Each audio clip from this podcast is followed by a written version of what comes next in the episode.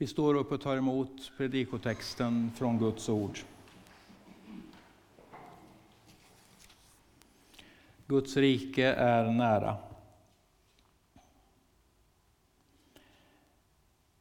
När Johannes hade blivit fängslad kom Jesus till Galileen och förkunnade förkunnade Guds budskap och sa Tiden är inne. Guds rike är nära.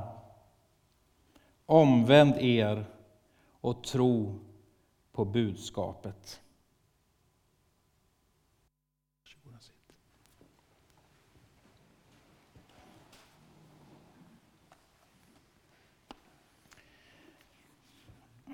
Tänk om Jesus här i hög person traskade in i vår gudstjänstlokal och skulle stå framför mig. Vad är det jag skulle ha sagt? Vad skulle han ha sagt till mig?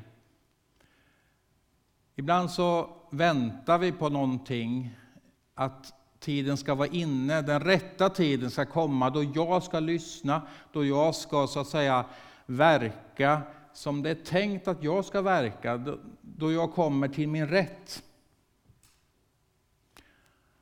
Vad är det som Jesus skulle ha sagt till mig just nu, skulle sagt till dig? Tänk om jag skulle uppleva att han satt bredvid mig, vid min sida. När jag såg på nyheterna, vad skulle han förklara nyheterna med för ord? Jag har väl längtat mycket efter den där eldskriften, den där, det där tydliga budskapet som gör att alla tvivel försvinner, allt blir enkelt, allt blir självklart. Det är bara att gå. Jag tror att tiden är inne att vi inser att Jesus är närvarande i det liv som är vårt.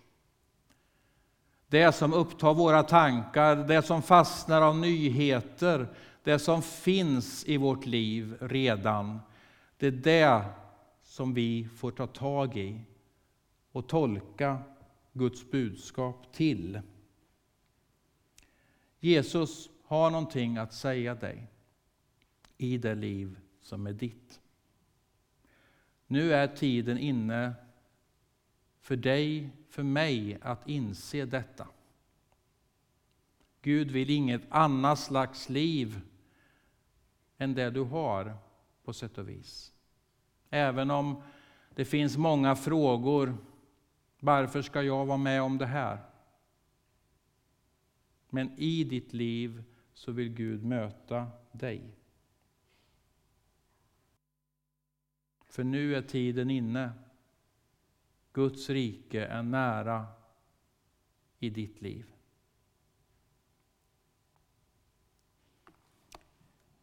Hur var det det stod? Omvänd er och tro på budskapet. Omvänd er och tro på budskapet. Kanske vi någon gång har fått den där frågan om omvändelse, om tro. Kanske vi till och med har fått frågan, är du frälst? Är du räddad? Svaret kan vara ett svar i rörelse.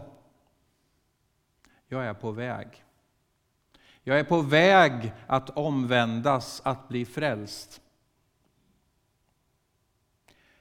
Det är som om den här Jesus, som jag vill tro på, som kommer till oss var och en, vill få mig att se mitt liv, men också få min blick att se åt ett annat håll än jag vanligtvis väljer att se. För det är väl lite lättare att läsa en rubrik om att tomten får tak över huvudet än att höra än uttrycka att man känner sig ensam när man sitter där i kyrkbänken. Kanske vi ska få blicken vänd till den som faktiskt uttrycker jag behöver dig. Jag vill inte leva ensam längre på det sättet. För någon vill jag ska få syn på mig. En människa som lyssnar. En Gud som lyssnar. Tänk när jag får berätta min berättelse utan att någon lägger sig i och bedömer den berättelsen, för den är min. Och jag har rätt att se det på det sätt jag just ser på mitt liv. Ingen kan ha en åsikt egentligen, men jag behöver någon som lyssnar.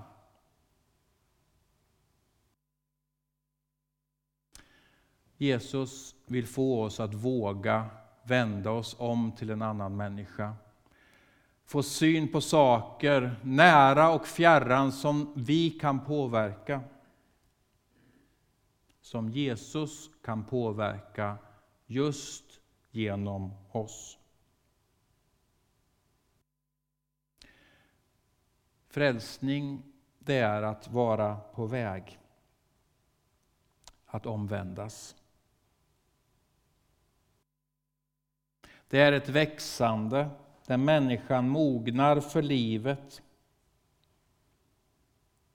I spänningsfältet medan, mellan redan nu och ännu inte blir en människa frälst. Redan framme och samtidigt på väg.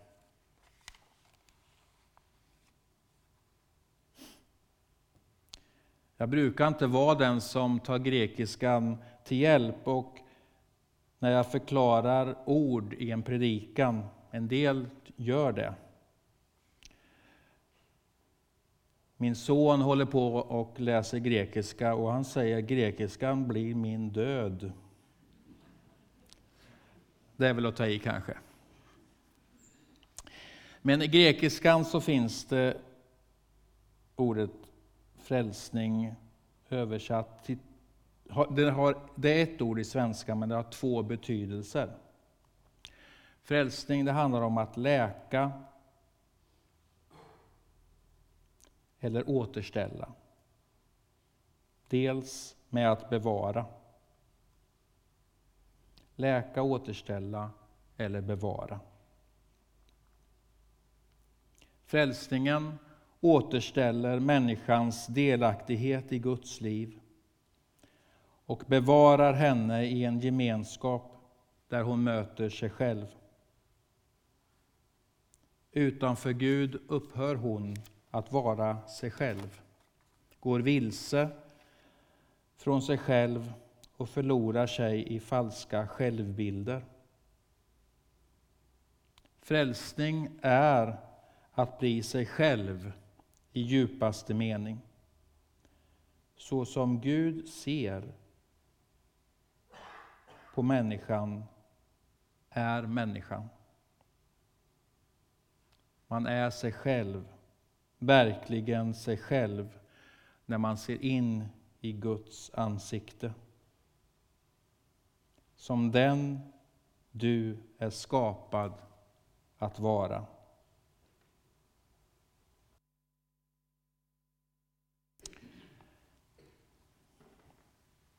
Omvänd er, tro på budskapet.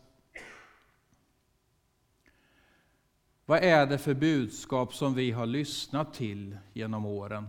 Eller kanske för första gången idag? Vad är det för budskap vi ska tro på? Den kristna läran sammanfattar allting i relationen till Jesus, Guds son. Och det är Jesus, Guds son, som vi förbereder oss för att ta emot. Det är väl det hela adventstiden och hela vårt liv handlar om. Att få ta emot den som kommer till oss. Den som kommer bit för bit till oss. Som vi uppfattar bara delar av, små fragment av, men vi uppfattar ändå Gud på något sätt. Jag tror faktiskt vi alla kan säga att vi gör det.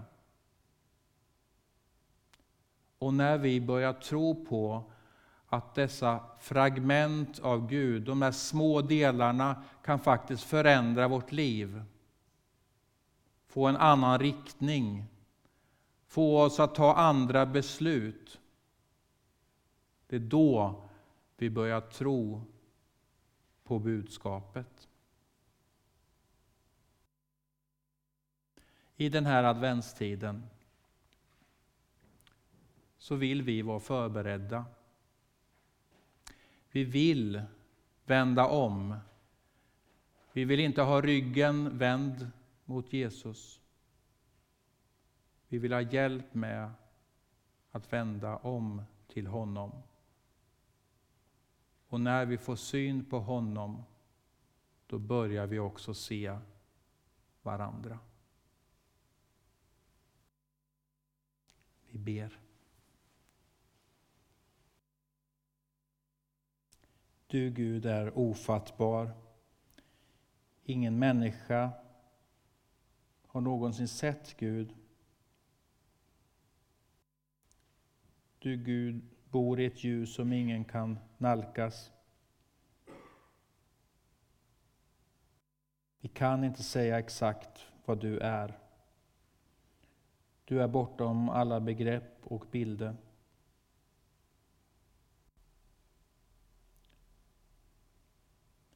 Men jag vill instämma i de ord som KG Hammar en gång sagt. Jag har inte sanningen om Gud, men jag söker den. Visst kan bilderna av dig, Gud, vara oskarpa. Men bilderna är ändå nödvändiga. Vi måste försöka föreställa oss något